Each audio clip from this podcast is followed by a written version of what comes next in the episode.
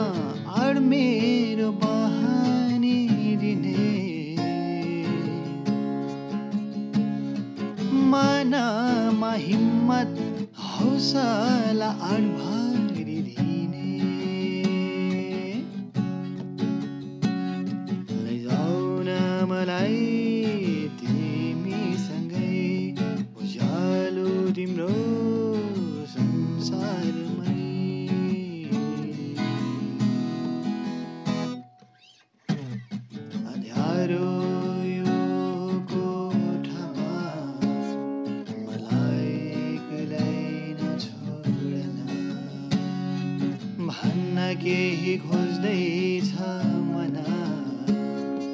धैर्य गरी तिमी सुन दुःख सुख भन्दा धेरै पर त्यो ऋतु खाली अनि एकान्त अवस्था छ जहाँ मानिसहरू आफैसँग सङ्घर्ष गरिरहेका छन्। त्यहाँ डर छ त्रास छ छटपटी छ एक्लोपन छ। आफ्नो लागि आँसु अनि अरूको लागि थोरै हाँसो छ रित्तो छ। त्यहाँ अँध्यारो रातपछिको सूर्योदयको त कल्पना पनि छैन। त्यहाँ त अँध्यारो रातपछि त झनै कालो अँध्यारो रातको परिकल्पना भइरहेछ। आफ्ना अनुभूतिहरू कसैसँग सेयर गरे साइको पागु सेन्टी जस्ता शब्दहरूको प्रहार आउँछ सकारात्मक रहन प्रवचन आउँछ र त्यहाँ ती व्यक्तिहरू के चाहन्छन् सोधिँदैन। उनीहरूको कुरा बुझ्दिने भेटिँदैन। त्यसैले त्यो मान्छे समाज अगाडि अभिनय गरेर आफ्ना समस्या आफैलाई सुनाउँदा सुनाउँदै एङ्जाइटी डिप्रेसनको शिकार बन्न पुग्छ। या भनौँ आफैसँग थाकेर हारेर बसिरहेको छ। उसको त्यही पीडामा आँसु बगिरहेको छ। बन्द कोठाभित्र। बाहिर खुसी छ। अझ भनौँ ऊ जस्तो खुसी त सायदै अरू कोही होला। उसलाई त्यो मुस्कानभित्रको पीडा त सुनाउन मन छ। तर कसलाई? ती पीडा सुनिदिनेको त्यो पीडाको कन्सन्ट्रेसन पछि समाजले दिने अझ गहिरो चोट कसरी भर्ने? त्यति मात्र होइन अझ बन्द कोठा र आँसु पनि नभएका ती हँसिला मुहारहरूभित्र भइरहेको पीडा कसरी रोक्ने? झुट बोल्न हुन्न भन्ने परिवेशमा साँचो कुरा सुनिदिनेको। यदि कोही भए त्यो झुटो हाँसो त देखाउनु पर्दैन थियो होला। ती साँचो आँसुहरू त लुकाउनु पर्दैन थियो होला। सिटामोल खाँदा खुलेर खाने अनि एन्टी डिप्रेसन खाँदा लुकेर चपाउने अवस्था त जन्मिँदैन थियो होला। कहिले काहीँ मेरो मनमा लाग्छ पाप र पुण्यको समाजमा मानसिक स्वास्थ्यलाई पुरै पागलपनसँग जोडेर तमासा गर्नेहरूलाई त्यो भोग्नेहरूको आँसुको पाप लाग्छ या लाग्दैन होला? मानसिक स्वास्थ्य पनि हाम्रो अरू स्वास्थ्य अवस्था जस्तै हो। तर यसलाई समाजको एक्सेप्टेन्स छैन। हुन त रोगलाई समाजको लालमोहरको आवश्यकता छैन रोग त रोग नै हो। तैपनि कति समयमा यस्ता समस्या समाधानका लागि सोसियल एक्सेप्टेन्सको पनि आवश्यकता पर्छ। समाजको सहयोगले त्यस्ता समस्या समाधान गर्न सघाउ पुर्याउँछ। हामी सबैलाई थाहा छ मानिसको शरीरका विभिन्न अङ्गले छुट्टा छुट्टै काम गर्छन्। शरीरका अङ्ग मध्ये मस्तिष्क महत्वपूर्ण भाग हो। मस्तिष्क हाम्रो टाउकोभित्र सुरक्षित हुन्छ। जसरी फोक्सोमा निमोनिया टिबी जस्ता रोग लाग्छन् कलेजोमा खराबी भएर कमल पित्त हुन्छ। त्यसै गरी मस्तिष्कमा पनि विभिन्न रोगहरू लाग्न सक्छन्। यसरी लाग्ने रोगले मस्तिष्कमा मात्रै असर पार्दैन। हाम्रो मन विचार भावना र बुद्धिमा पनि प्रतिकूल असर पार्छन्। फलस्वरूप मानसिक रोग देखा पर्छ। मानसिक रोग लागेपछि व्यक्तिको स्वभाव बानी र व्यवहारमा परिवर्तन देखा पर्न थाल्छ। उसले पहिले कहिल्यै नगरेका अनौठा क्रियाकलाप देखाउन थाल्छ। बदलिएको उसको बानी प्रचलित संस्कृति धार्मिक विश्वास र परम्परासँग मिल्दैन र सामाजिक मान्यता पाउँदैन। उसले सम्बन्धित वातावरण र उसको भित्री वा बाहिरी परिस्थितिको ठिक मूल्याङ्कन पनि गर्न सक्दैन न चाहेर होइन चाहेरै पनि मानसिक रोगबाट पीडितले समाजका अरू मानिसहरूसँग राम्रो सम्बन्ध राख्न सक्दैन। अहिले कोरोनाले गर्दा लामो समयदेखि हामी बन्दाबन्दीको अवस्थामा छौँ। आधारभूत आवश्यकतादेखि भविष्यको चिन्ताले हामीलाई झन् सताएको छ। वैज्ञानिकहरूले अरू रोग जस्तै मानसिक रोग पनि शरीरको एक केन्द्र स्नायु प्रणालीको खराबीबाट उत्पन्न हुने रोग भनेर पत्ता लगाएका छन् संसारभर जनसङ्ख्याको लगभग पन्ध्र प्रतिशत मानिस साधारण वा कडा कुनै न कुनै किसिमका मानसिक रोगबाट पीडित देखिन्छन् डब्लुएचओले इन्टरनेसनल क्लासिफिकेसन एन्ड डिजिजेस भन्ने डकुमेन्टमा टाइप एन्ड सब टाइप गरेर सयौं थरीका मानसिक बिरामीको कुरा गरेको छ। यो मानसिक समस्या जसलाई जुन बेला पनि आउन सक्छ भन्ने कुरा त प्रमाणितै भइसक्यो। तर अझै पनि हाम्रो समाजमा मानसिक रोगका पीडितलाई हामी अर्को ग्रहबाट आएका मानिसै व्यवहार गर्छौँ। जसरी ढुक्कले म सुगरको बिरामी हुँ भने जस्तै म मानसिक स्वास्थ्यको समस्याले सताइरहेको व्यक्ति हुँ भन्ने अवस्था छ त।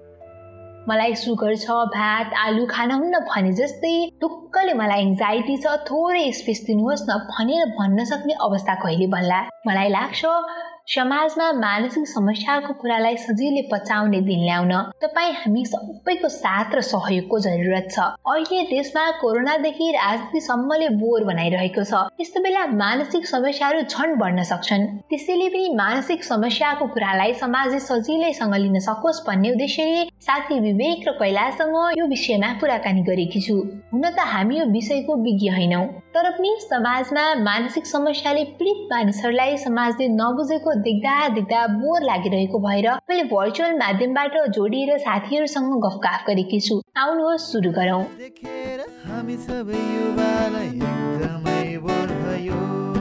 त्यसैले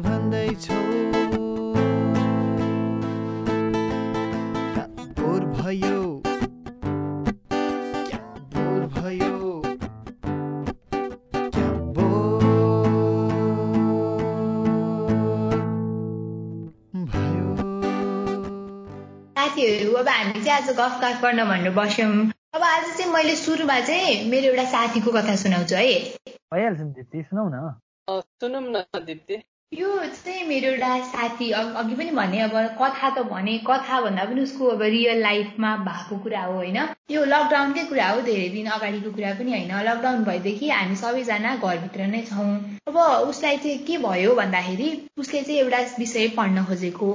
अनि उसको फ्यामिलीले चाहिँ उसलाई सपोर्ट गर्नु भएन। त्यो सब्जेक्ट पढाउनलाई हामीले चाहिँ त्यो पढाउन सक्दैनौँ भनेर भन्नुभयो। अनि त्यसपछि अब उसलाई फेरि त्यही सब्जेक्ट पढ्न मन छ। अब उसले चाहिँ आफ्नो करियर त्यही सब्जेक्टमा बनाउँछु भनेर चाहिँ एउटा सपना देखिरहेको छ। अब उसलाई यही कुराले अलिअलि ह्याम्पर गरिरहेको थियो। फ्यामिलीसँग मिसअन्डरस्ट्यान्डिङ्सहरू भइरहेको थियो। उसले सेटल गर्न ट्राई गरिरहेको थियो। अब ठ्याक्क यही बेलामा लकडाउन भयो। लकडाउन भएपछि अब एउटा त फ्यामिलीको सपोर्ट मिलिरहेको छैन। अर्को कुरा भनेको अब कसरी पढाइ पढ्न स्टार्ट गर्ने? त जसरी तसरी म पढ्छु भनेर एउटा आर्ट उसले जुन जोटाउन खोजिरहेको थियो त्यो पनि अब लकडाउन भएपछि सबै बन्द भयो। उसले चाहिँ मलाई के भन्दै थियो भने अब मेरो सपना के हुने त? मसँग न परिवारको सहयोग छ मेरो उमेर त बढी नै रहेछ करियरको के हो हुने अत्तो पत्तो केही छैन।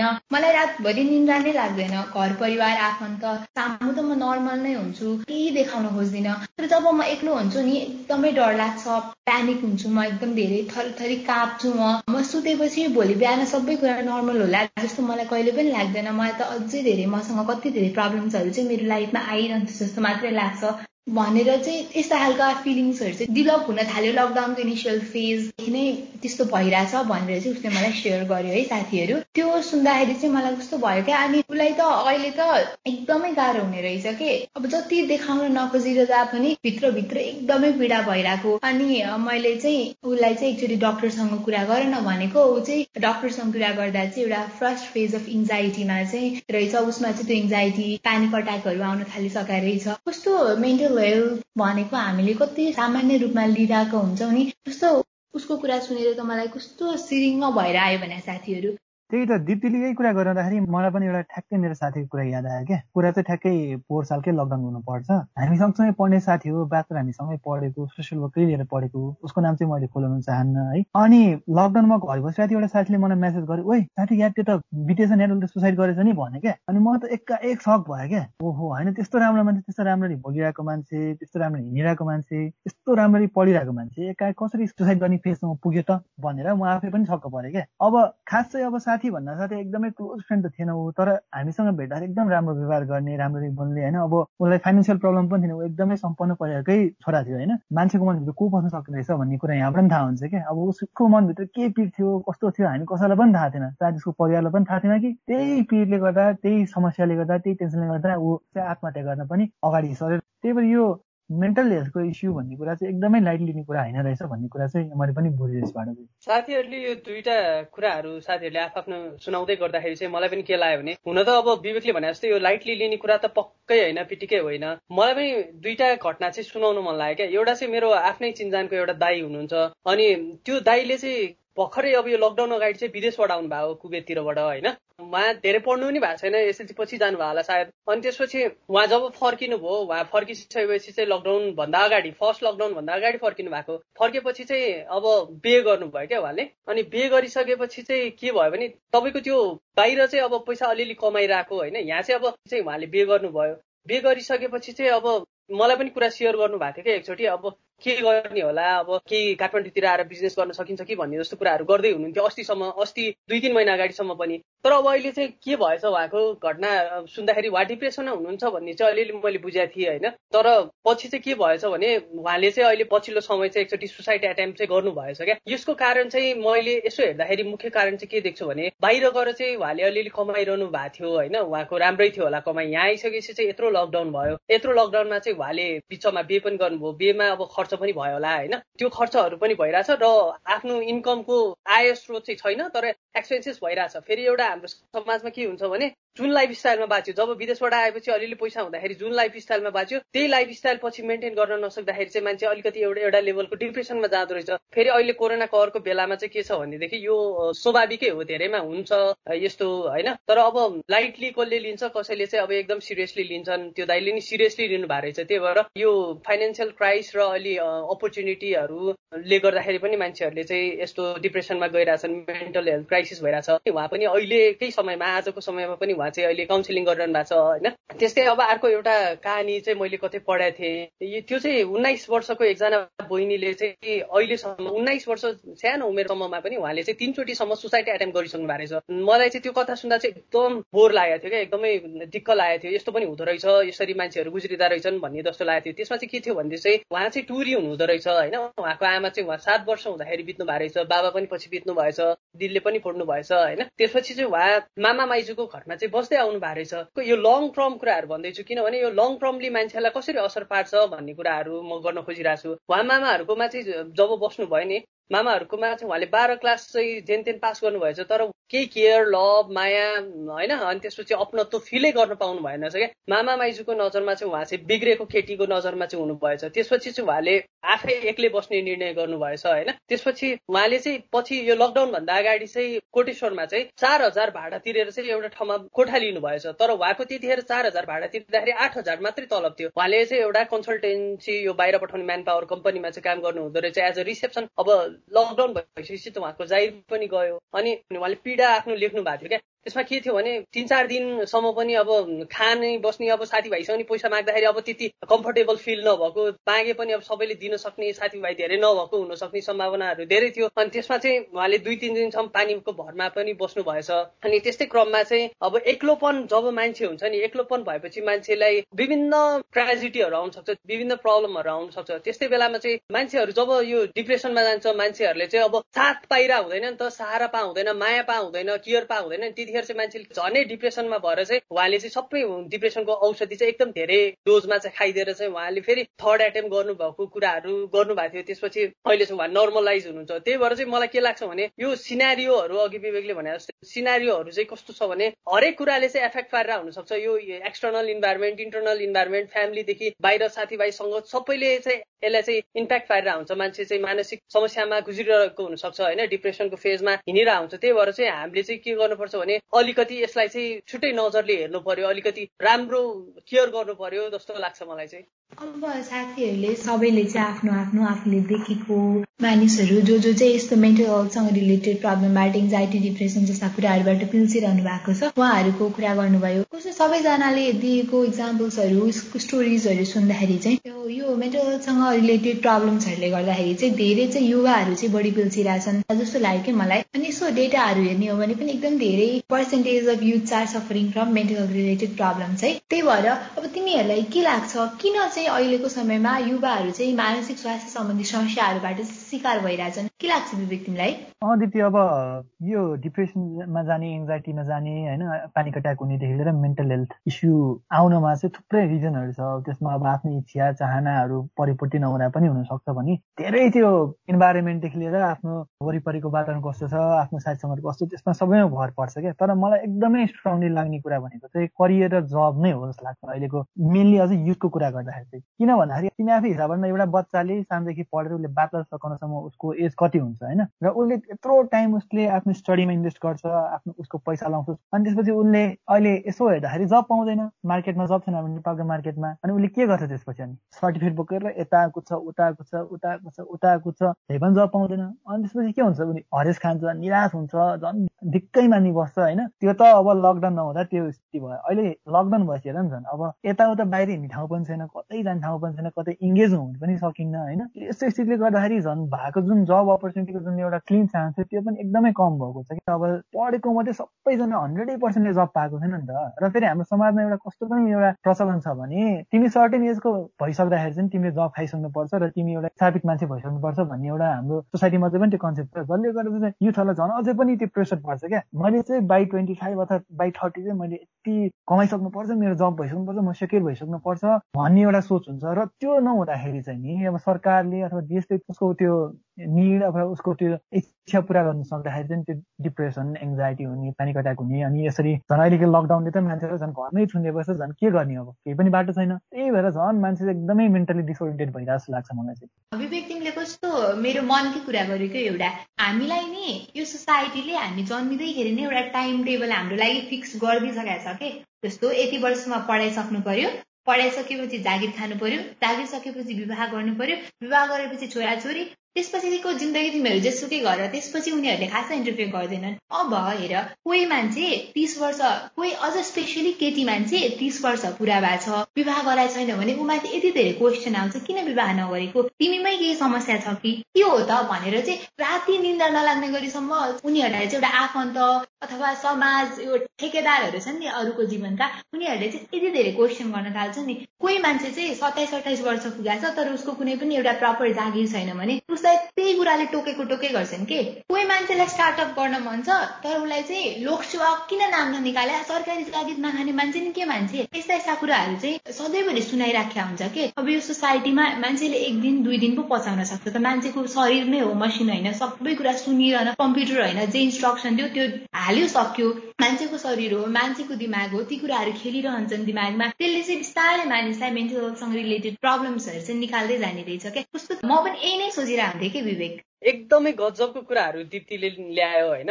अब दिप्तीले अघि एउटा भनेको थियो नि अब तिस वर्ष काटिसकेपछि चाहिँ केटीहरूलाई चाहिँ मेन चाहिँ समाजले झनै हेर्ने नजर होइन यसले किन बिहे गर्न के कारणले चाहिँ गर्न भन्ने कुरा आउने कुराहरू चाहिँ भनेको थियो। मलाई चाहिँ के लाग्छ भनेदेखि केटी होस् या केटा क्या बाइसदेखि पच्चिस पुगिसकेपछि चाहिँ के गर्छन् भनेदेखि पे गर्नु पर्यो भनेर चाहिँ एकदमै प्रेसर दिन थाल्छन्। झनै केटीलाई चाहिँ झनै अब बिस बाइस कट्ने बित्तिकै चाहिँ अब कसरी चाहिँ अब पे गरेर पठाउने नत्र भने चाहिँ अब बुढी भइसकेका केटीहरू चाहिँ बिग्दैन होइन। त्यो भन्ने छ नि त हाम्रोमा अब यो सुपर स्टेसन बिलिभ क्या। अब यसले पनि अब एउटा करियरको एउटा स्टार्टै गर्न पा हुँदैन क्या। अब आफै हेर्ने हो भने पनि बिस वर्ष एक्काइस वर्षको मान्छेले चाहिँ करियर स्टार्टै गरे हुँदैन। उसले आफ्नो पढाइ पनि सिद्धा हुँदैन क्या प्लस टू भर्खर सिधा गरेको बच्चा बच्चाहरू नै भनौँ न उनीहरूलाई चाहिँ अब बिहे गर्नलाई फोर्स गर्ने होइन। अनि अर्को भनेको चाहिँ अब काम गरेर लिएर आउनु पर्यो पैसा कमाएर लिएर आउनु पर्यो। अर्काले चाहिँ यति कमाइसक्यो तैँले किन कमाइनस्? विदेश जानेहरूले विदेश गयो एसएलसी पछि विदेश जानेले यति कमायो यसले यति गर्यो भनेर कम्पेयर गर्ने पनि एउटा यो हाम्रो समाजको एउटा पाटो छ नि त्यसले पनि एकदमै बिगारेको छ क्या। यो कुरा चाहिँ कसमा नि लागु हुन्छ भने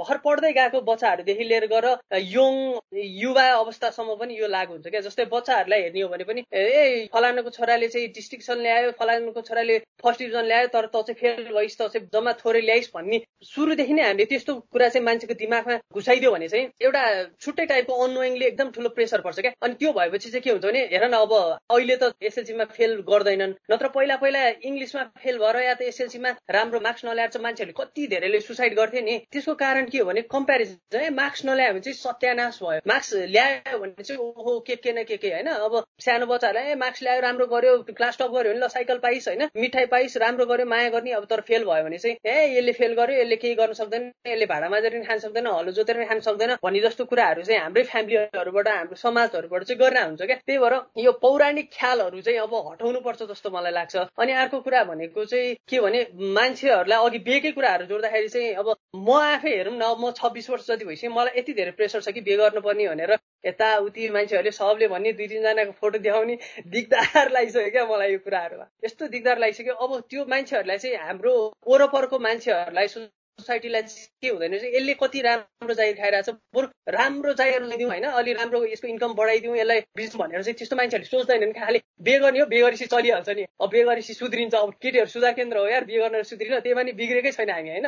हामी त गरिरहेछ नि त करियरको पाथमा चाहिँ सुरु भइरहेछ। तर प्रेसर आउँछ क्या एकदम प्रेसर अनि कहिले काहीँ लाग्छ ए मैले केही गर्ने। अब फेरि कस्तो भने लङ टर्ममा सर्ट टर्ममा हेर्ने हो भने ठिकै हो म जस्तो अब म भर्खर अहिले पच्चिस अब छब्बिस लाग्छु फागुनबाट होइन? त्यति लेभलको अरू साथीहरू चाहिँ जो चाहिँ पढाइ छोडे होइन अनि प्लस टू पछि अब विदेश गयो कोरिया गयो तिनीहरूले एकदम ड्याम खतरा पैसा कमाइरहेछन् क्या। त्यो पैसाहरू कमाइदिएर चाहिँ हाम्रो सोसाइटी परिवारले चाहिँ तेरै उमेरको मान्छेले चाहिँ कमाइरहेछ। तर तैँले कमाउनु सकेका छैनस् भन्ने कुरा चाहिँ एउटा हेरिरहेको हुन्छ त्यो भनिरहेको पनि हुन्छ क्या। त्यसले गर्दाखेरि चाहिँ के हुन्छ भने ओहो मैले चाहिँ ब्याचलर चार वर्ष पढेर चाहिँ वेस्ट गरेँ क्या हो भनेर भने जस्तो मान्छेहरूलाई फिल हुन्छ नि त। त्यो फिल हुन नदिनु चाहिँ सबभन्दा ठुलो कुरा हो जस्तो लाग्छ। त्यही भएर यो सोसल सपोर्टहरू चाहिन्छ क्या। मान्छेले एउटा न एउटा लेभलमा गर्दा गर्ला नि त। नगरे पनि एउटा उसको लाइफ उसले कसरी बाँच्छ भन्ने त उसको प्लान होला। उसले नसके पनि त अब के समस्या अब त अब अरूको कम्पेरिटिभली लोवर लेभलमै उसले सेटिस्फाइड भएर बस्नु सक्छ भने त इट्स फाइन नि। त्यही भएर चाहिँ अब यो सोसल सपोर्टहरू गर्नु पर्यो क्या। उसले केही गर्दैछ उसले बिजनेस गर्न चाहन्छ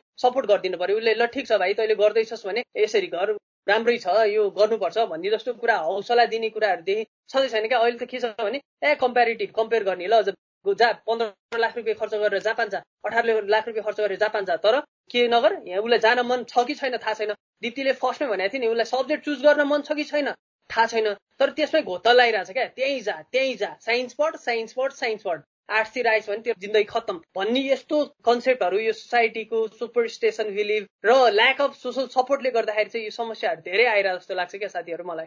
गजबको कुरा गर्यो कैलाश तिमीले। यो प्रब्लम्सहरू चाहिँ हामीले सोसाइटीले जेनेरेट गरेका प्रब्लम्सहरू चाहिँ हेऱ्यौँ होइन। अब हाम्रो यो मोडर्न प्रब्लम्सहरू पनि सर्टेन कुरा छन्। अनि त्यो सँगसँगै अर्को भनेको चाहिँ परिवारको कारणले गर्दाखेरि हाम्रा नाता सम्बन्धहरूका कारणले गर्दाखेरि पनि धेरै मानिसहरू चाहिँ मेन्टल हेल्थसँग रिलेटेड इस्युजहरूबाट चाहिँ ट्रबल गरिरहेछन् जस्तो। अब एउटा हेर्ने हो भने फ्यामिलीको एकदम हाई एक्सपेक्टेसन क्या? फ्यामिली मेम्बरले चाहिँ अब यो चाहिँ यति वर्ष भयो अब यसले चाहिँ काम पनि गर्न थालेको छ। कमाएर ल्याउनै पर्छ यसले हामीलाई पाल्नै पर्छ भन्ने खालको एक्सपेक्टेसन्सहरू चाहिँ फ्यामिली मेम्बरबाट एकदम धेरै आयो नि। त्यो त ग्राउन्ड रियालिटी छ नि जुन युथहरूको भर्खर बिचराहरू काम गर्न थालेका छन् होइन?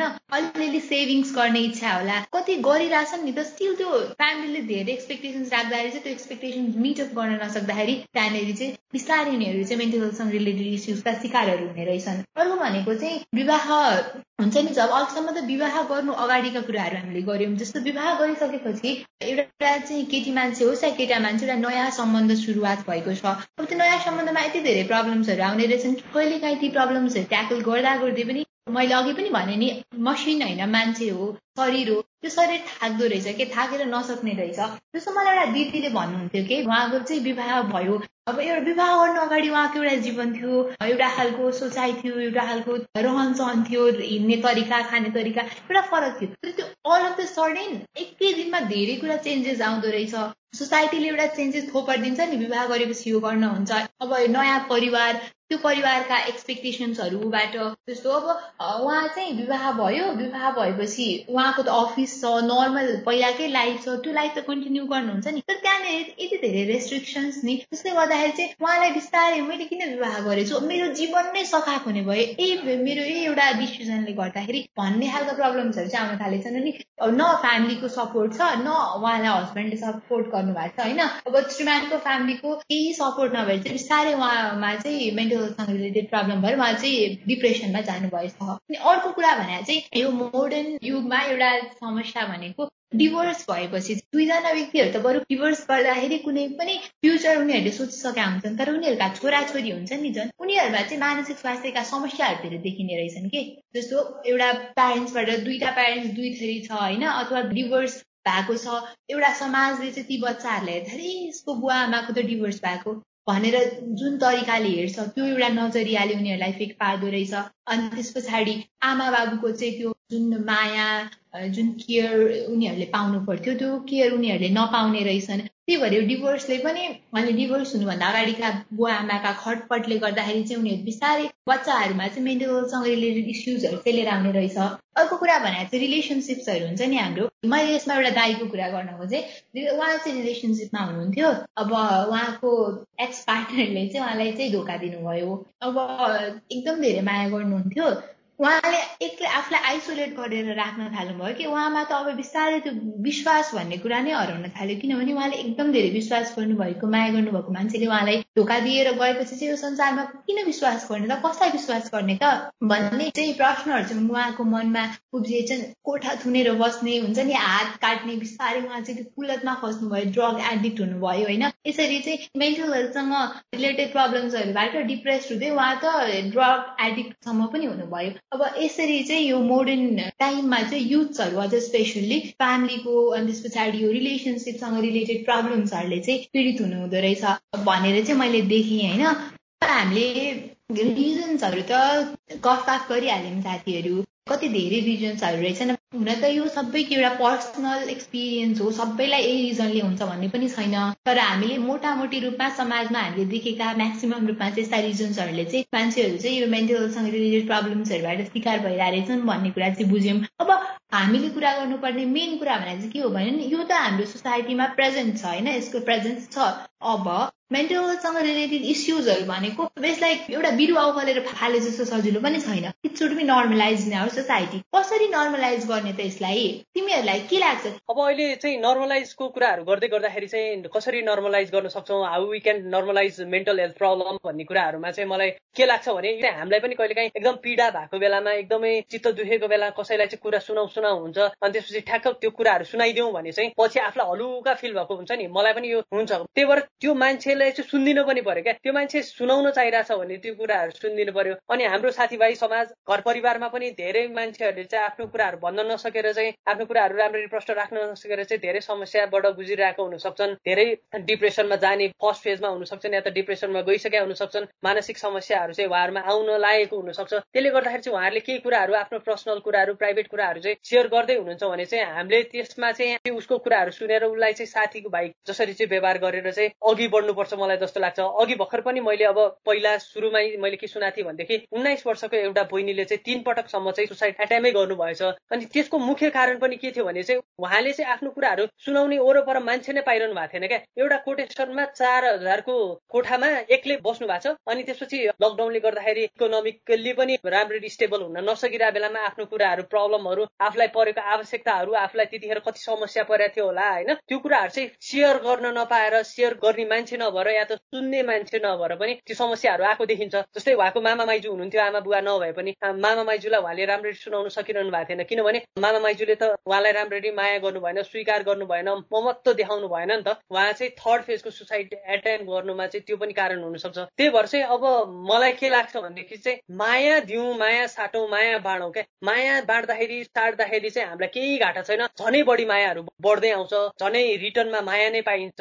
सुन्यौँ एक्सप्रेसनहरू हामीले बुझ्न कोसिस गर्यौँ भने पनि यसलाई नर्मलाइज गर्न चाहिँ अलिकति सजिलो हुन्छ जस्तो मलाई लाग्छ। र यो अहिले बढ्दै गएको यो डिप्रेसन मानसिक तनावको समस्याहरू पनि बिस्तारै घट्दै जान्छ कि भन्ने चाहिँ मलाई लाग्छ। कैलाशले यही कुरा गर्नुहुँदा चाहिँ मलाई हाम्रो समाजको कुरा गर्नु मन लाग्यो कि। अब हाम्रो समाज हामी कस्तो समाजमा बसिरहेको छौँ त क्या? हाम्रो समाज यस्तो एउटा जालोमा फसेको छ कि जसले चाहिँ नि मानसिक बिरामीहरूलाई चाहिँ नि एकदमै अछुतो जस्तो व्यवहार गर्छ क्या? कसैलाई चाहिँ मेन्टल हेल्थ सम्बन्धी एउटा केही रोग छ भन्यो भने छिचिर गर्ने ओहो त्यसको नजाइ त पनि त्यो जस्तै पागल होलास् भनेर भनिदिने होइन? अब त्यो त सोसाइटीको लेभलमा भयो। सोसाइटी लेभलमा हामी सबै एक एकजना इन्डिभिजुअल पढ्छ फ्यामिली पनि पढ्छ कम्युनिटी पनि पढ्छ होइन? र हामी हाम्रै यो साथीभाइहरू पेयर रूपकै कुरा गर्ने हो भने पनि अब कोही मान्छे अलिकति अनइजल व्यवहार देखेर चाहिँ ओहो यो त कस्तो साइको रहेछ। पागल हो क्या? ठिक हो क्या हो यो? भन्ने शब्द प्रयोग गर्छ हामी क्या? हामी उसलाई उसको व्यवहार हेरेर उसको बोली वचन हेरेर उसको लाउने खाने स्टाइल हेरेर हामीलाई जज गरिदिएर हुन्छ क्या? त्यही भएर सबभन्दा मेन कुरा चाहिँ फर्स्टमा चाहिँ हामीले यो मेन्टल हेल्थलाई एक्सेप्ट गर्न सिक्नुपर्छ क्या? होइन? हाम्रो समाजबाट हाम्रो फ्यामिलीबाट हामी इन्डिभिजुअलबाट चाहिँ हामीले यो मेन्टल हेल्थ चाहिँ एउटा रोग हो। यो चाहिँ हामीले सिटामल खाएको जस्तै एउटा नर्मल रोग हो। होइन जस्तै हामीलाई खोकी लाग्दा रुगा लाग्दा हामी जस्तै ट्याब्लेट खान्छौँ जस्तै हामी एन्टिबायोटिक खान्छौँ यो पनि त्यस्तै रोग हो र हामीले परामर्श तथा मेडिकेसनद्वारा चाहिँ हामीले यसलाई जित्न सक्छौँ भन्ने कुरा चाहिँ हामीले असेप्ट गर्न सिक्नुपर्छ जस्तो लाग्छ मलाई चाहिँ एकदमै भित्रबाट क्या। त्यही भएर चाहिँ नि हाम्रो समाजबाट हाम्रो परिवारबाट हामी इन्डिभिजुअलबाट नै चाहिँ यसैलाई असेप्ट गर्न सिक्नुपर्छ जस्तो लाग्छ फर्स्टमा चाहिँ। कैलाश विवेक तिमीहरूले एकदम राम्रो कुरा गर्यो होइन। मेनली त कसरी नर्मलाइज गर्ने सल्युसन्सहरू भनेको मेन्टल हेल्थसँग रिलेटेड इस्युजहरू भइरहेका मानिसहरूलाई माया दिने उनीहरूको केयर गर्ने नै हो। अर्को भनेको सोसाइटीले एक्सेप्ट गर्नु पर्यो किनभने हामीले अघि कुरा गर्दाखेरि पनि बुझ्यौँ कि यसलाई उब्जाउने पनि एउटा कुनै हदसम्म सोसाइटीले रहेछ अरू फ्याक्टर्सहरू पनि भए पनि सोसियल एक्सेप्टेन्स भयो भने यो नर्मलाइज हुनलाई यसले एकदम धेरै हेल्प गर्छ भन्ने कुरा बुझ्यौँ। अब मैले देखेको अर्को कुरा चाहिँ के हो भने नि मेन्टल हेल्थसँग रिलेटेड अवेरनेस प्रोग्राम्सहरू छ नि यस्ता इनिसिएटिभ्सहरू चाहिँ स्टार्ट हुनु पर्यो कि। मेन्टल हेल्थ भनेको के हो नै नबुझेर धेरै हाम्रो ठुलो कम्युनिटी छ जहाँ चाहिँ मानिसहरू मेन्टल हेल्थसँग रिलेटेड कुराहरूबाट सफर गरिरहेछन् होइन? अनि त्यहाँनिर चाहिँ कसैलाई चाहिँ एकदम धेरै नै रूपमा समस्या भएपछि मात्रै उनीहरू चाहिँ मानसिक समस्या चाहिँ यो मान्छेमा रहेछ भन्ने थाहा हुन्छ। त्यसपछि चाहिँ उनीहरूमा चाहिँ अघि हाम्रो साथीहरूले मलाई केयर लभ सोसियल एक्सेप्टेन्सको त त्यो कुरा हुँदै हुँदैन। त्यही भएर एउटा मेन्टल हेल्थसँग रिलेटेड अवेरनेस चाहिँ हामीले चाहिँ क्रिएट गर्नुपर्छ। अनि अवेरनेस क्रिएट गर्ने हाम्रो जब जब बेला आउँछ नि तब तब हामी सहर केन्द्रित हुन्छौँ कि? त्यो कुरालाई पनि अलिकति सिटी सेन्ट्रिक हुन छोडेर फेरि होल नेसनलाई टार्गेट बनाएर गर्नुपर्छ जस्तो लाग्छ। र यो अवेरनेसको कुरा गर्दाखेरि नि एउटा कुरा बडो अचम्म लाग्छ कि मलाई? जस्तो कुनै पनि मानिसहरूले चाहिँ अब मेन्टल हेल्थसँग रिलेटेड प्रब्लमले गर्दा सुसाइड गर्यो भने भोलिपल्ट अथवा त्यो दिन बेलुका सोसियल मिडियाभरि हुन्छ क्या सबैको स्टोरीमा हुन्छ। अनि त्यसपछि सबैले पोस्ट गर्छन्। त्यो पोस्ट गर्नु नराम्रो भनेको होइन। एक दिन मात्र पोस्ट गरेर हामीले छोडिदिनु भएन। अस्ति भर्खरतिर पनि हामीले एउटा केस देख्यौँ होइन। बाहिर चाहिँ अरूको राइटको लागि लडिरहेको मान्छेले भित्रभित्रै अर्को एउटा केटीलाई चाहिँ हरास गरिरहेको जस्तो खालको देख्यौँ। त्यही भएर हाम्रो डबल साइडनेस पनि देखाउनु भएन। मेन्टल हेल्थसँग रिलेटेड अवेरनेस प्रोग्राम्सहरू गर्ने गर्ने अनि यसले चाहिँ सबै मानिसहरूलाई यो के हो? चुरो कुरो नबुझेसम्म कसै पनि एक्सेप्ट गर्नेवाला छैन कि? त्यो गाउँ गाउँमा त्यो समाज समाजमा त्यो सहर सहरमा यो गल्ली गल्लीसम्म चाहिँ मेन्टल हेल्थ भनेको के हो त? यो पनि अरू रोग जस्तै हो यो पनि सामान्य हो। यसलाई सर्टेन ट्रिटमेन्ट गरेपछि जसरी हामीलाई रुगाखुकी लागेको औषधि खाएपछि सन्च हुन्छ यसको पनि सर्टेन मेथड्स छ। यसबाट पनि मानिसहरू नर्मल हुन सक्छ भन्ने कुरा चाहिँ हरेक ठाउँसम्म पुर्याउनलाई चाहिँ हामीले मेन्टल हेल्थसँग रिलेटेड अवेरनेस प्रोग्राम्सहरू भनेको चाहिँ वी मस्ट डु इट के हामीले चाहिँ हाम्रो तर्फबाट के गर्न सक्छौँ? हामी युवाको तर्फबाट हामी नागरिक समाजको तर्फबाट के गर्न सक्छौँ भन्ने त मैले साथीहरूले पनि के के गर्न सक्छौँ भन्ने कुरा गर्नुभयो। मैले पनि आफ्ना कुराहरू राखिहालेँ। तर एउटा हामीसँग राज्य छ नि त एउटा हाम्रो कन्सर्न अथोरिटी हो नि त त्यो। यति धेरै मानिसहरू मेन्टल हेल्थसँग रिलेटेड प्रब्लम्सहरूले चाहिँ फेस गरिरहेछन् उनीहरूमा प्रब्लम्स आइरहेछ मेन्टल हेल्थ भनेको एउटा एकदमै मेजर प्रब्लमको रूपमा आइरहेछ यो बेलामा सरकारले के गर्नु पर्ला त? सरकारले कस्ता कस्ता इनिसिएटिभ ल्याउनु पर्ला। त सरकारको रेस्पोन्सिबिलिटिजहरू चाहिँ के होला त के लाग्छ तिमीहरूलाई साथीहरू? के गर्नुपर्छ हाम्रो सरकारले? यसको लागि यो नर्मलाइज गर्न यो लिमिट गर्न यसलाई बिस्तारै चाहिँ इराडिकेट गर्दै लानलाई। अब मलाई चाहिँ के लाग्छ सरकारको तर्फबाट पनि अब सरकार त रेस्पोन्सिबल हुनै पर्छ। सरकारले पनि धेरै कुराहरू गर्न सक्छ यसलाई मिनिमाइज गर्न यसलाई कन्ट्रोल गर्नको लागि होइन? त्यही भएर चाहिँ मलाई अब एउटा चाहिँ के गर्यो भने चाहिँ अलिकति सहज हुन्छ जस्तो मलाई जब अपर्च्युनिटी क्रिएसन गर्यो भने चाहिँ एउटा जब अपर्च्युनिटी आयो भने चाहिँ म्याक्सिमम भन्दा म्याक्सिमम मान्छेहरूलाई चाहिँ जबमा इन्गेज गराउन सक्यो भने चाहिँ एउटा एक लेभलको अहिलेको युवाहरूमा जुन फ्रस्ट्रेसन छ नि अहिले कामप्रति लिएर त्यो चाहिँ मिनिमाइज हुन सक्यो भने पनि एकदमै ठुलो समस्याहरू चाहिँ कम हुन्छ जस्तो मलाई लाग्छ। किनभने अहिले पनि हेर न कोरोना काल छ अहिले हामी डेढ वर्ष जति हुन लागिसकेका छ हामी चाहिँ अहिले लकडाउनमा छौँ। यो अवस्थामा न हाम्रो राम्ररी पढाइ कम्प्लिट गर्न सकेका छौँ न त हामीले चाहिँ नयाँ करियरमा चाहिँ हामी जोइन हुन सकिरहेछौँ अब वाट नेक्स्ट भन्ने भइरहेको छ क्या? अहिलेको युवाहरूलाई चाहिँ अब के त? अब गर्ने के त? अब यो सबै भइसकेको छ। पढाइ नसिद्धिनेहरूको सिद्धेकै छैन। तिनीहरूलाई पनि दुई वर्षदेखि फ्रस्ट्रेसनमा छन्। पढाइ सिद्धेर बसेकाहरू पनि घरमा त्यतिकै बस्नुपर्ने अवस्था म्याक्सिममको छ। त्यही भएर चाहिँ अब के गर्ने त भन्ने समस्याले गर्दाखेरि पनि मान्छेहरूलाई चाहिँ मानसिक समस्यातिर चाहिँ लगिरहेको चाहिँ मैले महसुस गर्न सकेको छु। त्यही भएर अब मलाई चाहिँ के लाग्छ भने एउटा जब क्रिएसन यदि गर्न सक्यो सरकारले भने चाहिँ मलाई चाहिँ यसमा धेरै प्रब्लमहरू चाहिँ घट्दै आउँछ जस्तो लाग्छ। किनभने त यो सबैको ड्रिमसँग जोडिएको छ नि त। यो मान्छेको होप हो नि त। ड्रिम होप अहिलेको ठ्याक्कको अहिलेको एज भने अब ठ्याक्क जब मार्केटमा जाने मान्छेहरू अहिले पढाइ गरिरहेको मान्छेहरूको त एउटा सपना हुन्छ नि एउटा होप हुन्छ नि म यो समयसम्ममा चाहिँ यो गरिसक्छु भन्ने कुरा हुन्छ। तर अब अहिले के छ भनेदेखि सिचुएसन सिचुएसन पनि त्यस्तै छ होइन? त्यसले गर्दाखेरि चाहिँ के भइरहेछ भने अब मान्छेहरू चाहिँ भौतारिरहेछन् कि अब के गर्ने के गर्ने अब यता छैन उता छैन यो पनि हुँदैन बन्द छ घरमा थुन्या छ के गर्ने चिज छैन बिजनेस गरौँ भने अहिले हुँदैन बिजनेस गर्न त्यति सजिलो पनि छैन अघि हामीले कुरा गरिसकेका छौँ होइन? त्यही भएर चाहिँ अब जब अपर्च्युनिटी चाहिँ क्रिएसन गर्न चाहिँ सरकार लाग्नुपर्छ जस्तो मलाई लाग्छ।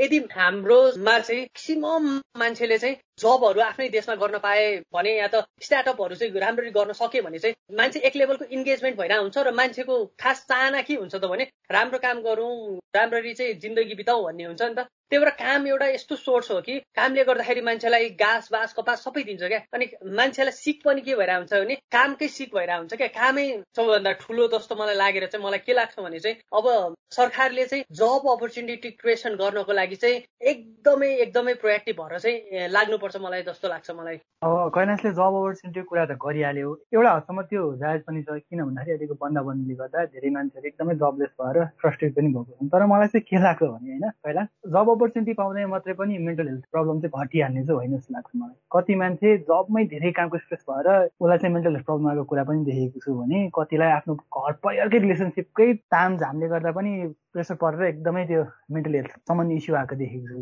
यो केसमा चाहिँ मलाई के लाग्छ भने अहिले हाम्रो काठमाडौँ राजधानीमा मात्रै हेर्ने हो भने पनि त्यहाँको मेन्टल हेल्थ सम्बन्धी इस्यु भएको मान्छेलाई हेर्नलाई थेरापिस्टहरू त्यति छैनन् क्या। इनफ नम्बरमा छैनन् थेरापिस्टहरू क्या। मेन समस्या त्यहाँ छ क्या। कसैलाई एउटा समस्या आइपर्यो मेन्टल हेल्थ सम्बन्धी आइपर्यो भने ऊ कहाँ गएर कसलाई भने त एकदमै थोरै छन् क्या औँला गर्न मिल्नेबाट छन् अब काठमाडौँ जस्तो ठाउँमा क्यापिटल सिटीमा मात्र त्यस्तो छ भने अब अहिले अरू दूर दराजमा सरेको कुरा गर्नु के होला उनीहरूको हालत कतिलाई त मलाई मेन्टल सम्बन्धी प्रब्लम छ भनेर थाहा नै छैन होला क्या। त्यही भएर चाहिँ मलाई स्ट्रङली के लाग्छ भने चाहिँ गभर्मेन्टले काठमाडौँ मात्रै फोकस नभइकन अन्य अब हाम्रो अहिले सातवटा प्रदेशमा अझै मेन गरी वडा स्तरदेखि लिएर तपाईँको एकदमै स्थानीय तहसम्म चाहिँ यो थेरापिस्टहरू अथवा थेरापिस्ट नसके काउन्सिलरहरू पनि ल राखिदिनु पर्यो क्या। किनभने को मान्छेलाई के परिरहेको छ थाहा हुन्न क्या। कसैलाई एकदम पीडा पुग्न मन लागेर हुनसक्छ होइन उसले गएर कहाँ पुग्ने त? घरले सुन्दैन परिवारले सुन्दैन समाजले सुन्दैन भने त गएर अन्तिम उपाय भनेको थेरापिस्ट अथवा काउन्सिलर हो। हो त्यही भएर चाहिँ गभर्मेन्टले यदि चाह्यो भने चाहिँ सानै तहसम्म नै यसरी काउन्सिलर राखेर अथवा थेरापिस्टहरू राखेर चाहिँ नि मेन्टल हेल्थ सम्बन्धी चाहिँ उनीहरूलाई चाहिँ सजेसनहरू सल्लाह सुझाव दिन सक्छन् जसले गर्दा चाहिँ यो घट्न सक्छ जस्तो लाग्छ मलाई चाहिँ। साथीहरूले कुरा गरेको कुरा एकदमै अब जायज कुरा हो जब अपर्च्युनिटी क्रिएट गर्नु एउटा एकदमै इसेन्सियल कुरा हो। किनभने हामीले अगाडि पनि कुरा गरिसक्यौँ। यही जब अपर्च्युनिटी नपाएर कतिपय युवाहरू चाहिँ मेन्टल हेल्थसँग रिलेटेड इस्युजहरूबाट डिल गरिरहेछन् अर्को कुरा भनेको वन्स एउटा व्यक्ति चाहिँ एउटा मेन्टल हेल्थसँग रिलेटेड प्रब्लममा परेको छ त्यस पछाडि चाहिँ उसले चाहिँ आफ्नो पीडा पोख्ने ठाउँ नपाएर कुरा सुनिदिने मान्छे नपाएर चाहिँ अझ त्यसको नेक्स्ट फेजमा गइरहेछ भन्ने कुरा पनि हामीले गर्यौँ। त्यसको लागि चाहिँ काउन्सिलर्सहरूको व्यवस्था गर्नु पर्ने कुरा पनि एकदमै जायज हो। मैले अर्को देखेको भनेको चाहिँ हाम्रो यो मेन्टल हेल्थ केयर सिस्टम छ नि यसमा चाहिँ इम्प्रोभाइजेसन चाहिँ मस्ट यो जुन मेन्टल हेल्थ केयर सिस्टम छ नि हाम्रो यो अलिक नेग्लेक्ट गरिराखेको हो कि एउटा हस्पिटल बनाए पाटन हस्पिटल छ होइन? त्योभन्दा बाहेकका अरू हस्पिटलहरूले कसरी यसलाई चाहिँ रेगुलेट गरिरहेछन् अनि अर्को कुरा भने मैले चाहिँ केही वर्ष अगाडि एउटा युट्युबमा ह्यासट्याग नो फिल्टर भनेर चाहिँ भिम्याक भन्ने च्यानलले गरेको एउटा प्रोग्राम हेरेको थिएँ। त्यहाँनिर चाहिँ यस्तै नो फिल्टर भनेको जे छ रियालिटी त्यो चाहिँ त्यो प्रोग्राममा ल्याउने थियो। अनि त्यहाँ चाहिँ मेन्टल हेल्थसँग रिलेटेड धेरै कुराहरू हुन्थे। त्यो सुन्दै गर्दा चाहिँ त्यहीँको एकजना आफ्ना कुराहरू राख्ने व्यक्तिले चाहिँ के भन्नुभएको थियो भने नेपालमा चाहिँ साइकोलोजिस्टहरू यति कम छन् कि साइकोलोजिस्ट कम छन् भन्नाले त्यो सेन्समा कि हाम्रो कुरा सुनिदिने मात्र के? डिग्रीले साइकोलोजिस्टहरू त हाम्रा धेरै छन् होला होइन? तर हातमा गर्न मिल्ने साइकोलोजिस्ट छन् जसले चाहिँ हाम्रा कुरा पुरै सुनिदिन्छन्। त्यही भएर यो मेन्टल हेल्थसँग रिलेटेड फिल्डमा काम गरिरहेको मान्छेहरू हुनुहुन्छ नि उहाँहरूले चाहिँ मेरो दस पाँचको जागिर हो मात्र चाहिँ सोचिदिनु भएन। अनि सरकारले पनि उनीहरूलाई मोनिटर गरिदिनु पर्यो के? गभर्मेन्टले मोनिटर नगरेसम्म कुनै पनि कुरामा चेन्जेस ल्याउन अलिकति गाह्रै हुन्छ। किनभने हरेक मान्छे भनेको अब उसको लागि त्यो एउटा जागिर मात्रै बन्न जान्छ त्यो जागिरमा उसले कतिको काम गरिरहेछ त भन्ने कुरा मोनिटर गर्ने एउटा मेकानिजम चाहिँ गभर्मेन्टले चाहिँ डेभलप गरिदिनु पर्यो। पद मात्रै लिएर बस्न चाहिँ पटक्कै भएन। त्यो पदमा भएपछि सर्टेन काम गरेको हुनु पर्यो। त्यो काम गरेको छ कि छैन त भनेर चेक गर्ने एउटा मेकानिजम त हुनु पर्यो। त्यो मेकानिजम डेभलप चाहिँ गर्नै पर्छ कि? जस्तो एउटा त अघि विवेकले पनि भन्यो एकदमै कम छ साइकोलोजिस्टहरू साइकाट्रिकहरू होइन? त्यो कम छ तर कम भए पनि जति छन् नि तिनीहरू पनि इफेक्टिभ भएको भए हामीलाई चाहिँ यति धेरै प्रब्लम आउँदैन त्यस्तो मानौँ न म चाहिँ मेन्टल हेल्थसँग रिलेटेड प्रब्लम लिएर गएँ। अब मैले कस्तो ट्रिटमेन्ट पाएँ त? त्यस्तो थेरापिस्ट त्यो साइकोलोजिस्ट त्यो अनि मैले मेरो एक्सपिरियन्स चाहिँ उसँग राम्रो छैन भने अरू मेरा साथीभाइहरू मेरा राष्ट्रमित्रहरू जो चाहिँ मेन्टल हेल्थसँग रिलेटेड प्रब्लम्सहरूबाट फेस गरिरहेछन् उनीहरूलाई म त्यहाँ जाने सजेसन त दिन्न नि त। त्यही भएर गभर्मेन्टले यसलाई नर्मलाइज गर्नको लागि चाहिँ जुन ठाउँमा चाहिँ मान्छेहरू चाहिँ सर्टेन होप लिएर गएको हुन्छ नि त्यो होप लिएर गएको ठाउँबाट झनै होपलेस भएर फर्केर आउनुपर्ने वातावरणलाई चाहिँ बन्द गर्नलाई एउटा ठोस कदम चाल्नु पर्यो। एक्ज्याक्टली यही गर भनेर भन्ने खालको हामी जस्तो मानिसहरूमा छैन होला गभर्मेन्टसँग त एउटा टिम हुन्छ नि त उसले त केही गर्न खोज्ने एउटा इच्छा शक्ति राख्ने हो भने त टिम बनाएर कसरी जान सक्ने त भन्ने कुरा त उसले डिसाइड गर्न सक्छ नि त। त्यही भएर गभर्मेन्टको रोल भनेको चाहिँ यस्तो कुरामा एकदमै धेरै हुन्छ।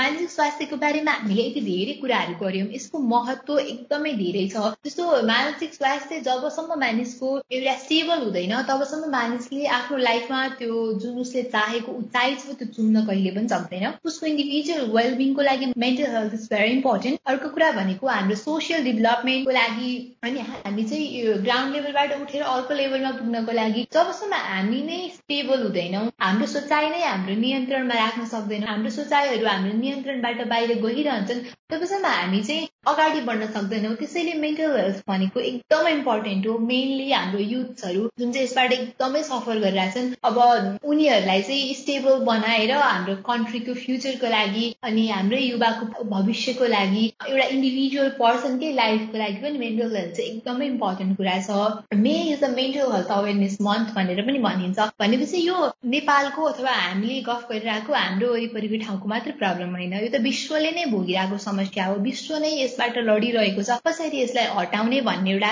विश्वले नै लागि परिरहेको छ। अनि फेरि कसरी हटाउने भन्दाखेरि यसको हटाउने पायो भनेको बिस्तारै नर्मलाइज गर्दै लानु नै एउटा यसको क्युर हो।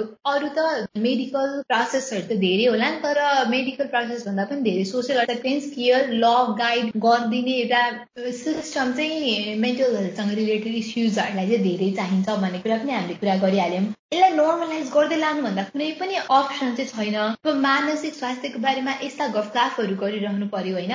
यस्तै गफगाफले नै चेन्जेसहरू चाहिँ लिएर आउन सहयोग गर्छ। अब हामीले आजको मानसिक स्वास्थ्यको विषयमा गफगाफ गरिरहँदाखेरि चाहिँ हामीलाई कतिजनाले सुनिरहनु भएको छ। सुनिरहनु हुनेहरूले पनि यसलाई नर्मलाइज गर्नको लागि अनि मानसिक स्वास्थ्यसँग सम्बन्धित समस्याबाट पिल्सिरहेका व्यक्तिहरूको उद्धारका लागि चाहिँ केही कदमहरू चाल्नुहुनेछ भन्ने चाहिँ हामीले आशा गरेका छौँ। हाम्रो यो एपिसोडले मेन्टल हेल्थ रिलेटेड प्रब्लम्सबाट जुधिरहनुभएका व्यक्तिहरूमा केही आशाका किरणहरू चाहिँ लिएर आयो होला भन्ने पनि हाम्रो आशा हो र यसले चाहिँ समाजमा केही पोजिटिभ चेन्ज लिएर आओस् भन्ने हाम्रो यो गफकाफको मुख्य उद्देश्य हो। र आज चाहिँ हामीले धेरै गफ गर्यौँ आजको हाम्रो गफकाफ मन परेको छ भने हाम्रो गफकाफलाई लाइक सेयर गर्नुहोला। भन्दै आजको यो श्रृङ्खलाबाट बिदा हुन्छौँ। हस्त धन्यवाद। स्टे सेफ बाई सास फेर्न ठाउँ छैन काम छैन केही हल्कै एक टुर भयो। देशको हालत देखेर हामी सबै युवालाई एकदमै बोर भयो। त्यसैले भन्दैछौ बोर भयो। भयो।